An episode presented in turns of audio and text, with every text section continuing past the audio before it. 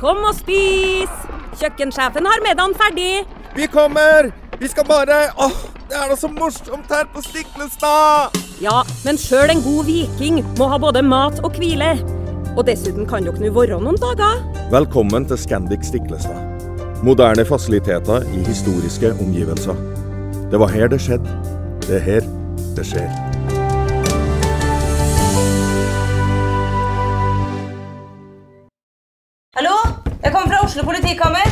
Ine Jansen er purk. Er du purk? The motherfucking bitch. Alt jeg vil, er å finne ut hva som skjedde med mannen min. Jon Carew. Er jeg sikta for noe? Iben Akeli. Det er du. Ole So, Lars Berrum og Big Daddy Karsten. Hvem sin side er du på, egentlig? Anette Hoff, Tone Danielsen, Kommer du fra Afrika? Jørnis Josef, Nesten. Kløfta. Trond Espen Seim, Det er synd å si det, men det var feil mann som døde. Purk. Premiere tirsdag på TV2 Play.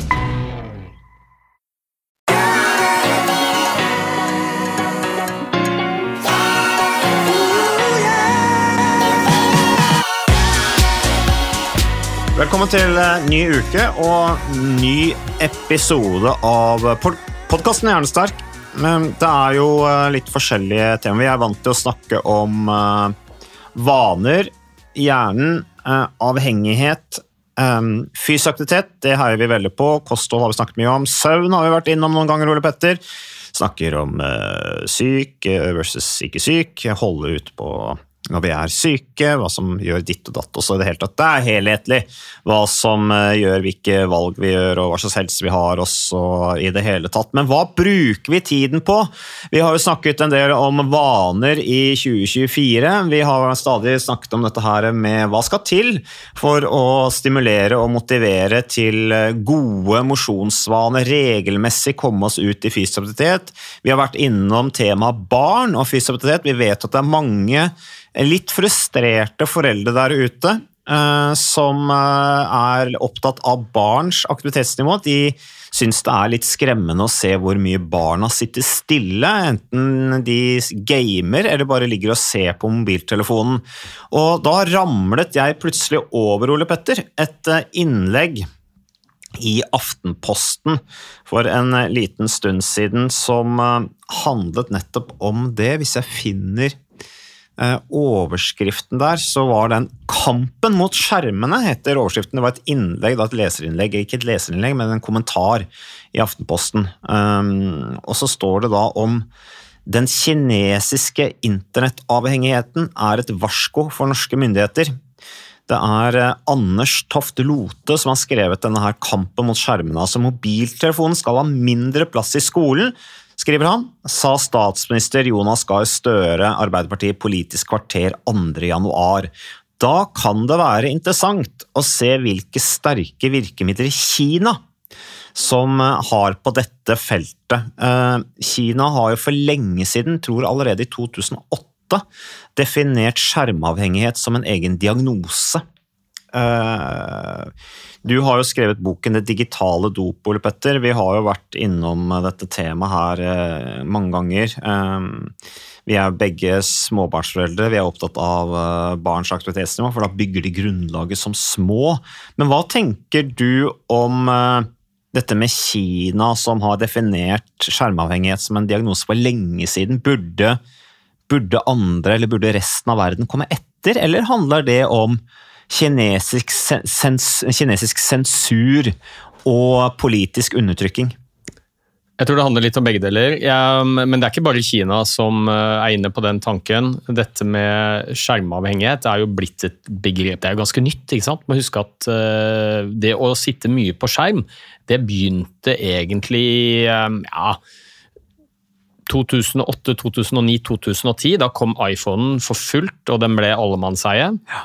Og det er jo bare 13-14 år siden vi begynte med dette her. Og så konsekvensene av at vi i dag bruker da fire, fem, seks timer på noe vi ikke brukte noe som helst tid på for 15 år siden, og se konsekvensen av det, det tar litt tid.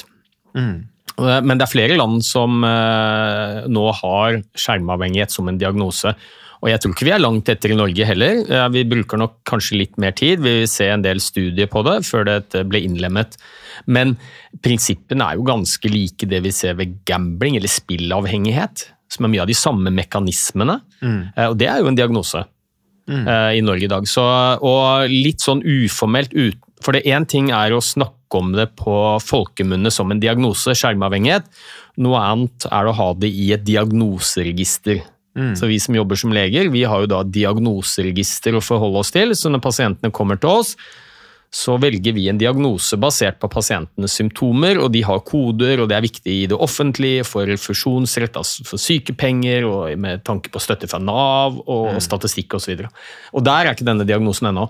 Men vi har jo noe som vi kaller nomofobi, Ja. som er et engelsk begrep, jeg har vel nevnt et par ganger før, som står for No Mobile Phone Phobia. Altså rett og slett engstelsen og frykten for å ikke være tilgjengelig. Ja, du har jo nevnt. FOMO. Ja, FOMO Fair er, of missing out. Fair of? Mm. missing out, det er jo bare at du, du føler du må være på for å ikke gå glipp av ting. Og dette er noe kanskje litt mer omfattende, da. Dette med nomofobi. Altså rett og slett den opplevelsen du har eh, når du ikke er i nærheten av telefonen din. Mm. Og, og da kan vi jo ta en litt sånn tankeeksperiment sjøl. Jeg pleier å stille dette spørsmålet. Når var sist gang du ikke var i nærheten av telefonen din? Det var når jeg gikk en skitur for noen dager siden. Da blir telefonen liggende igjen hjemme. Ja. Og da er nok du unntaket, for de aller fleste av oss er aldri mer enn en meter eller to, eller iallfall veldig sjelden, unna telefonen. Altså, den er nærmest blitt som en ekstra kroppsdel. Mm. Det er litt interessant, fordi har du hørt om fantomsmerter? Ja, ja. Det er jo at du har amportert et bein, og så får du fremdeles vondt i det beinet som egentlig ikke er der lenger. Ja, fantomsmerter er smerter i en kroppsdel du ikke lenger har. Og du kan oppleve smerter fra en uh, fot som er amputert, arm som er amputert osv. Og nå er det jo et eget begrep som heter fantomringer. Fantomringing? Altså, altså 40% av oss opplever at telefonen ringer eller vibrerer i lomma mm, når den ikke gjør det. Det er ganske interessant. Så det er jo fantomringer, eller fantom... eh, Ja, så du opplever rett og slett at telefonen din ringer selv om den ikke er det. Og det Ikke er stemmer i hodet, men Eh, Ja, ja. ehm, men altså denne nomofobien, da. Og det handler jo om at eh, hvis du begynner å lade ut, så blir du litt engstelig. Nå har jeg snart ikke mer batteri igjen. Nei. Og jeg har jo barn, og de er sånn 'Pappa, pappa, jeg har bare 1 mm. Og da er det to ting. Det ene er hvorfor lader du ikke telefonen din? Og det andre hvorfor sier du 1% Det heter 1% men, ja. men det er jo sånn barna snakker. Så det vil de ikke høre på. Men, um, så du blir engstelig når du ikke har noe batteri igjen. En med nomofobi vil alltid ha med seg en lader. Alltid sørge for at eh, telefonen er tilstrekkelig ladet for hele dagen. Ja. Eh, De blir stressa når de kommer i et område med dårlig mobildekning, hvis de har glemt igjen mobilen hjemme. Og, og da snakker vi om rett og slett for noen kan gi ordentlig fysisk ubehag, altså type angstreaksjon. Med høy puls, eh, uro, hjertebank, ja, dårlig søvn. Altså rett og slett en sånn eh, uttalt stressreaksjon når de ikke er i nærheten av mobilen. Og, og der er det opplyst at noe sånn som 60-70 av eh, de som er mellom eh, 10 og 20, eller 15 og 20 år, opplever disse symptomene. Men det er særlig den aldersgruppen som Nei, er Det er der det er best uh, dokumentert. da. Det er der det er gjort flest studier, og jeg mistenker at det er ganske likt når vi blir eldre også. Mm. Iallfall de som har vokst opp med dette, uh, som har dette som en naturlig del av sin hverdag. Altså, vi, vi er med mobilen vår hele tiden. Og de gjorde en eh, studie i, eh, i USA hvor de stilte noen spørsmål. altså Hvilke arenaer i samfunnet vårt er det uakseptabelt å ha mobiltelefon? Ja. Og der har jo ting endret seg veldig. Jeg husker Da mobiltelefonene først kom, så var det helt sånn, det var ikke snakk om at du kunne sitte på T-banen og snakke åpent i mobilen. Da begynte folk å se på deg og hysje og sånn. Nå er det helt normalt. Ja, og folk som- har jo på høyttaler òg. Til og med på høyttaler, så Ja. du hører hele samtalen. Ja. Um, det er det ene. Og, og, og det viste seg at det var jo knapt nok en eneste arena hvor det var uakseptabelt. Til og med det helligste av det helligste i USA, det er jo uh, Kirka. kirka. Der var det 5 som syntes det var helt greit å sitte på skjerm under gudstjenesten. Det, det eneste stedet hvor det var full enighet om at eh, det å snakke i mobiltelefonen eller være på skjerm var uakseptabelt, det var under en begravelse. Ja, okay. Så alle mulige andre arenaer. Altså vi er på mobilen når vi sitter i møter. Vi driver og ser under bordet og sender av gårde tekstmeldinger mens vi hører på sjefen snakke eller vise en Mm. Presentasjon. en Vi har den på dass, vi har den på soverom, vi har den når vi spiser, vi har den når vi kjører bil. Så um, det har jo blitt en sånn allemannseie og infiltrert hverdagen vår på en måte som vi aldri hadde trodd den kom til å gjøre. Ja, og den gode samtalen ødelegges jo også av mobiltelefoner. Eh, hvis man stadig vekk skal sitte og se på den, og det blir på en måte viktigere enn å sitte og snakke sammen. Det som er fint, da, blant mange ting med den podkasten vi spiller nå, Petter, er jo at uh, her kan vi jo nesten Vi kan ikke sitte og se på mobiltelefonen her, fordi da blir det veldig dårlig innhold. Da får ikke jeg med meg hva du sier, og det er jo noen ganger jeg sitter og ser på skjerm her òg fordi at jeg skal vi skal følge et visst manus og sånne ting, og det, det merker jeg. Jeg har sagt til deg flere ganger at de beste podkastene, eller de beste podkastopplevelsene for meg, da, med deg, som er en klok mann som har masse på hjertet, det er utrolig stimulerende å sitte og snakke med deg, det er når vi når jeg ikke har notater, mm. og vi bare sitter og ja, ja. Snakker, snakker løs sånn som vi gjør innimellom når vi ikke har et eller annet på agendaen eller en eller annen gjest, ikke sant, og sånne ting, eh, så kan det være litt krevende, det skaper litt stress, da, eh, i hvert fall for meg, når det skal være en viss sånn programleder. Eh, og det vil jeg anbefale folk òg. Hvis du har en god venn, og dere virkelig skal ha noe ut av den gode samtalen, legg fra dere den mobiltelefonen, så blir du mye mer stimulert, du får mye mer ro. Eh, du oppdager at du faktisk fremdeles er, har en viss evne til å artikulere deg. Og, og, og også eh, kreativitet til å finne fram temaer og gå litt i dybden. da å snakke om ting som virkelig betyr noe for deg, det er ikke så dumt innimellom.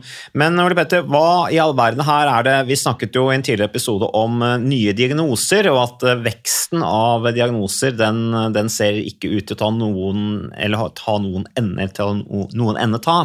Eh, og her er det jo nevnt noen diagnoser, nomofobi, eh, fantomringing osv. Men hva i all verden skal man gjøre for å forebygge disse sykdommene som eh, fosser frem i samfunnet? ja, Det er et veldig godt spørsmål. Det som er litt av greia her, da, det er jo at disse mobilene er jo helt fantastiske også. Mm. Det jo, jeg tror ikke det er noen av oss som kan engang tenke oss en hverdag. Altså Selv de av oss som har vokst opp uten mobil, sånn som du og jeg har gjort, jeg fikk jo mobil eh, da jeg var godt voksen, over 20 år, for første gang. Mm. Og det gjaldt jo helt sikkert deg også. Så, så, vil vi jo ikke tilbake til der vi var. Vi elsker jo disse mobiltelefonene. Det er god grunn til det. De gjør livet vårt enklere på mange områder. Det som er litt av utfordringen, er jo å skille litt sånn uh, snørr og kanel. Ja. Altså Den gode bruken versus den bruken som, uh, som ikke er bra for oss. Og litt oppsummert så tror jeg vel at det er omfanget av bruk som er det største problemet. Mm. Ikke at det vi bruker skjermen til er veldig skadelig i, i, i det hele tatt, men at vi bruker så mange timer av døgnet på denne telefonen at det er andre ting som får lide. og Det har vi snakket mye om.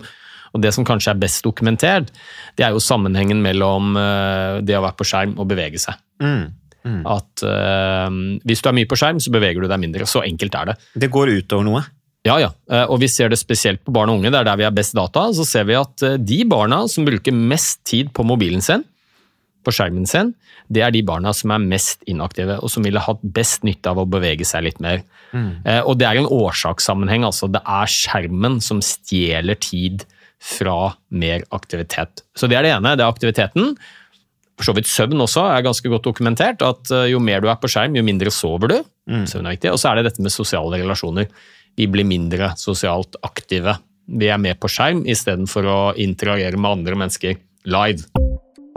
Ukas annonsør det er uh, HelloFresh. Og uh, hvis du nå går inn på hellofresh.no og bruker koden 'fresh hjerne', så kan du få opptil 1779 kroner rabatt på da de fem første matkassene dine hvis du ikke har prøvd Hello Fresh enda.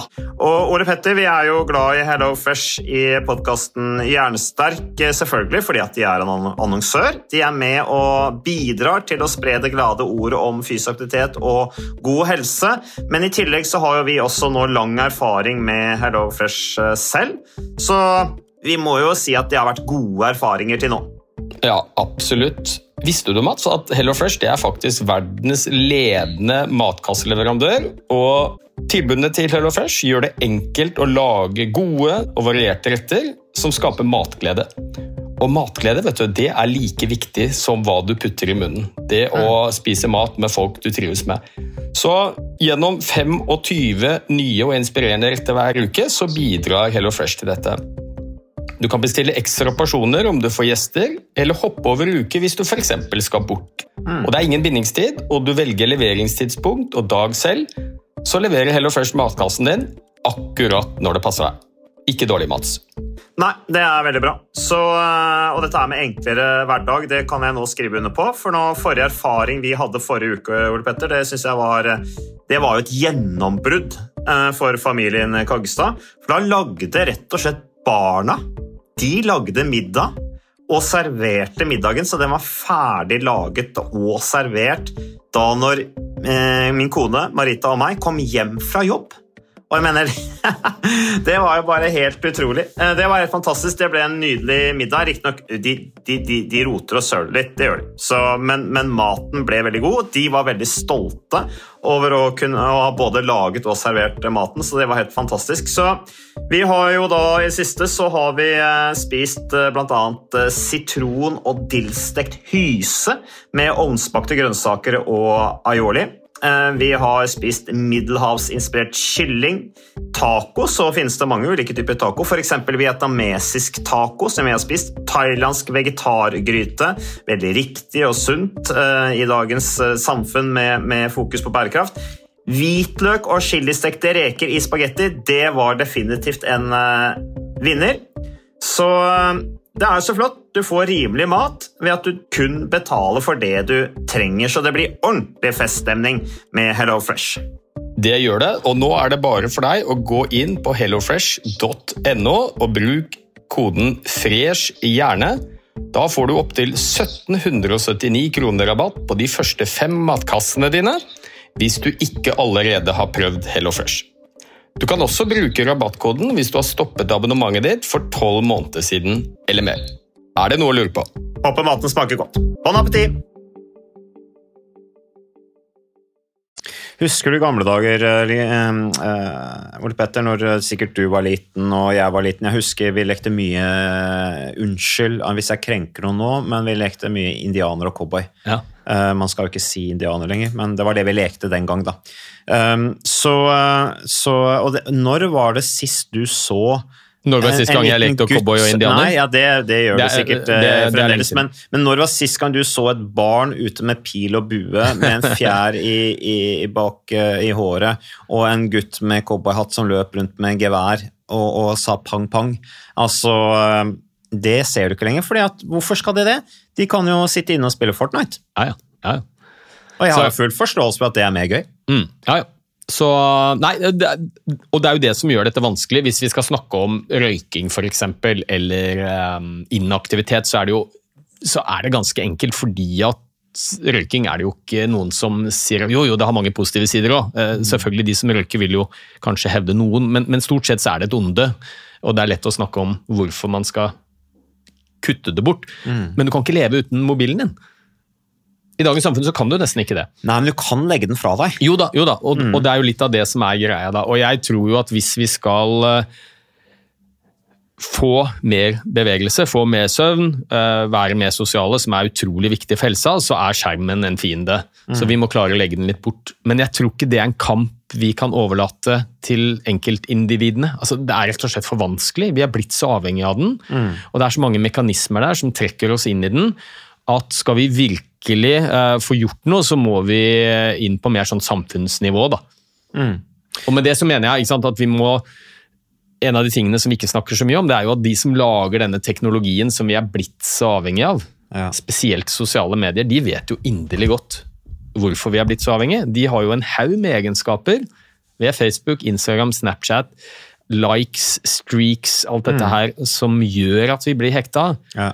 Og um, hvis vi sammenligner det med andre ting i samfunnet som barn og unge spesielt, men også voksne kan bli avhengige, alkohol, nikotin, så har vi masse regler. Vi har regler for hvor mye nikotin du kan putte i en sigarett, hvor mange prosent alkohol du kan ha i øl, i vin. Og det er jo for ikke lage det altfor avhengighetsskapende. ikke sant? Det gjør vi ikke med mobil, det er helt fritt vilt. Så jeg tror at vi må stille krav til disse produsentene om at de, de må lage denne teknologien mindre avhengighetsskapende. Ja, Og, og, det, og, og det tror jeg kan funke, for vi som forbrukere, hvis vi er mange nok, så har vi ekstremt mye makt. Jeg pleier å ta et eksempel, og det er jo at McDonald's serverer salat.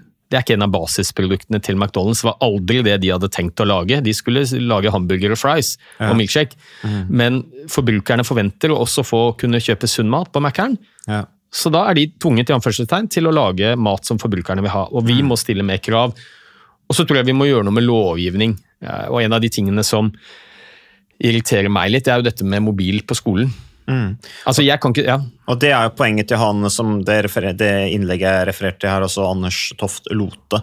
Det er, da refererer han til Jonas Gahr Støre og Politisk kvarter, hvor se på dette her med mobiltelefonen skal ha mindre plass i skolen, som sagt. eh, Ja. Sitat eh, Og, og nå snakker jeg ikke om digital læring som har en plass i skolen, fordi vi må utvikle digital kompetanse. Alle barn og unge trenger det for å klare seg senere. Men jeg snakker om mobiltelefonen. Mm.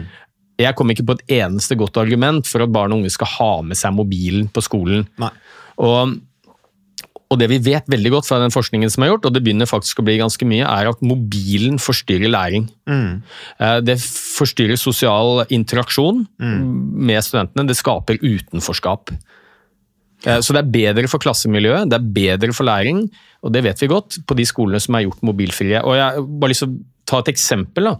Riktignok ikke fra skolen, men fra universitetet hvor jeg jobber, hvor vi gjorde et forsøk hvor vi hadde en stor gruppe studenter som skulle inn og ha en forelesning med meg om hjerte-karsykdommer. Og Så delte vi da gruppa i to ved loddtrekning. De skulle inn to forskjellige tidspunkter og høre på en forelesning. Og Den ene gruppa var det ingen restriksjoner, de kunne ha med seg mobilen inn på forelesning. Ja. Som jo alle studenter har, selvfølgelig, hvis de ikke blir bedt om noe annet. Så alle studentene hadde med seg mobilen sin inn på forelesning. Var med på 45 minutter med forelesning. Gruppe nummer to måtte legge igjen mobiltelefonen sin i en plastboks som var 50 meter unna auditoriet. Jeg måtte legge den før de gikk inn i auditoriet. og Var med på samme forelesning. Målte vi konsentrasjonen og oppmerksomhet til disse to gruppene. Og kanskje ikke overraskende så var det 30% bedre konsentrasjon og oppmerksomhet. Og læring, for vi ga de prøver også, på innholdet i forelesningen. De skåret 30% bedre, de som ikke hadde med seg mobilen inn i klasserommet.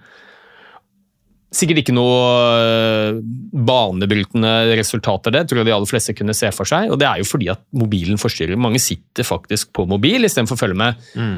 Men det som var mest interessant, var jo at det var en andel av de som hadde med seg mobilen. 30% av dem oppga at de ikke brukte mobilen, de hadde den i sekken. Eh, Under forelesningen, for det stilte vi spørsmål om. Og selv hos de som hadde den i sekken, eller telefonen var avslått, så ble de forstyrra. Det ble det, ja. Så det er åpenbart at det å sitte på skjerm mens du skal lære noe, det er helt håpløst. Da lærer vi ingenting. Det er kanskje et argument for å legge telefonen i et annet rom når du skal sove. Nemlig bare det å ha den i nærheten, så bruker du en del av din kognitive kapasitet som du trenger for å være oppmerksom, konsentrert, hukommelse, læring. Den bruker du til å lure på pokker heller hva som skjer med mobilen. Den er jo rett nede i sekken. Jeg kunne jo plukket den opp nå.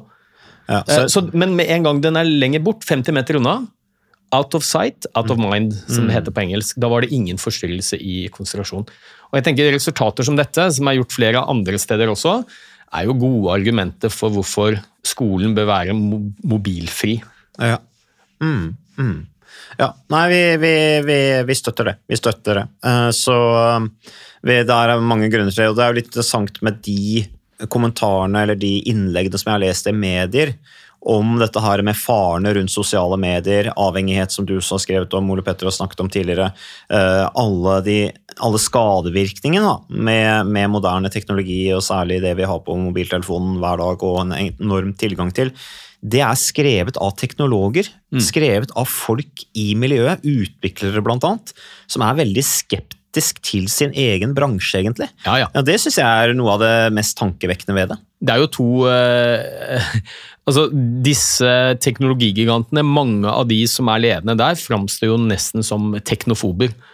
Altså, Han godeste Steve Jobs var jo kjent for å ha sagt en gang i et intervju med New York Times, da iPaden kom Da hadde han små barn, eller ungdommer hjemme, og han, han ble vel eh, spurt om sånn ja, Ungene dine må jo elske denne iPaden. Nei, nei, ungene mine får ikke iPad, Nei. sa han.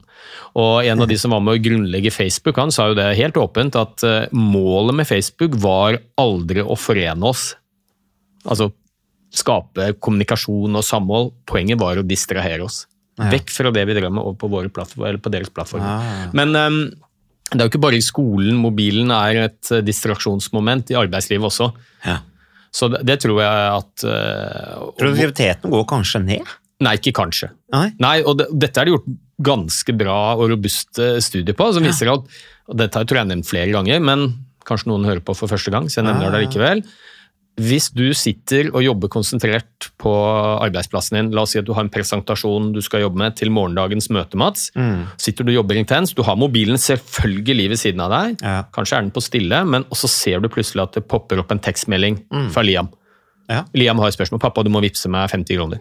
Jeg står på butikken på Hovseter. Noe han garantert ikke får. Nei, men eh, det er noe så. Men, og, og, og så tar du den og svarer på den meldingen. Nei, Liam, du har fått ukepenger. Dette her må du klare deg med det du har fått. Du bruker ti sekunder på det.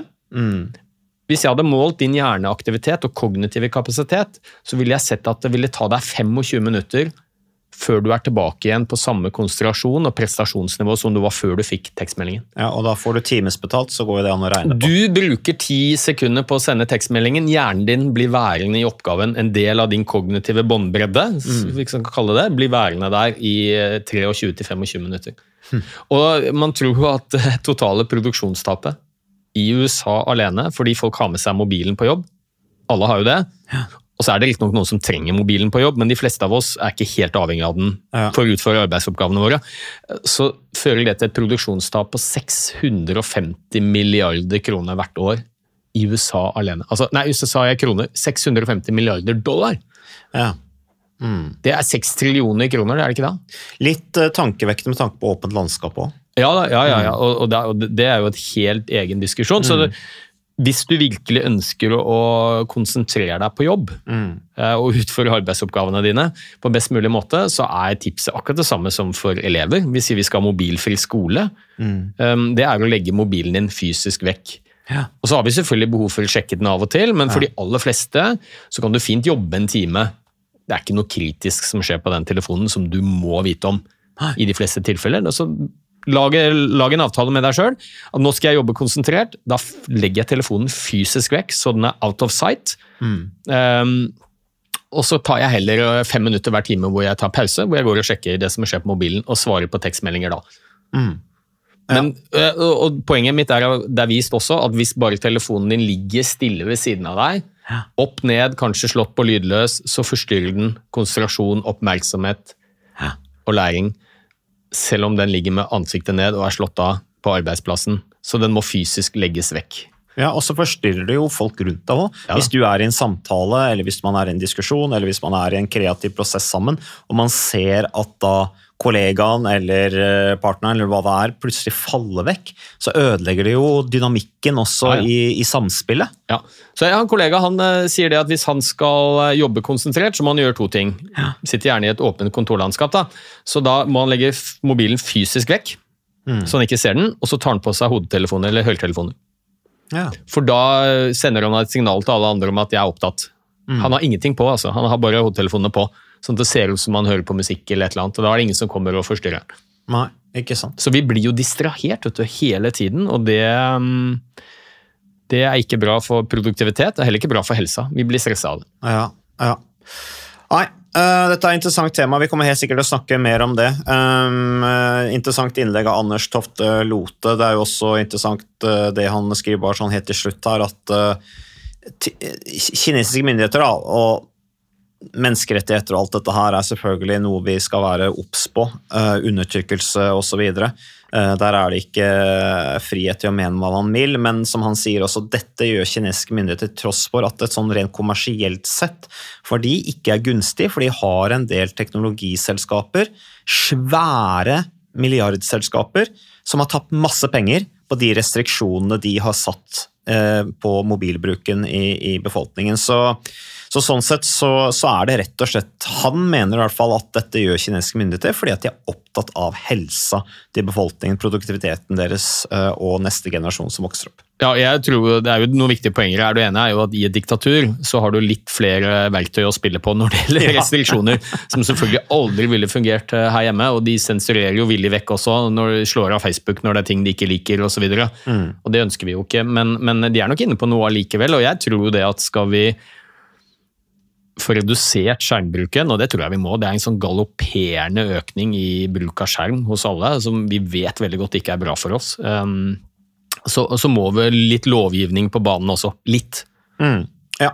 Og selvfølgelig ikke, ikke forby, men noen restriksjoner og noen tilpasninger som gjør at det blir litt mindre skjermtid. Det, det ser vi, det gjør vi jo for alt mulig som er potensielt skadelig. Røykeloven er et eksempel. Mm. Vi har regler i trafikken med bilbelter, vi har regler på arbeidsplass eh, osv. Mye omsorg i det. Selv om det kan virke hardt og brutalt. Takk, Ole Petter. Takk til moderne media. Takk til lytterne våre. Eh, takk til folk som sender inn spørsmål til podkasten Hjernesterk. Vi er tilbake med mer eh, innhold neste uke.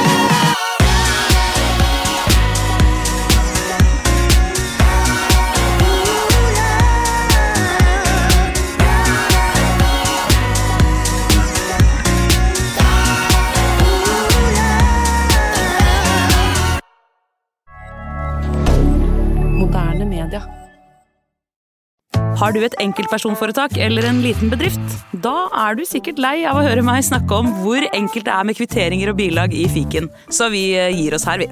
Fordi vi liker enkelt. Fiken superenkelt regnskap.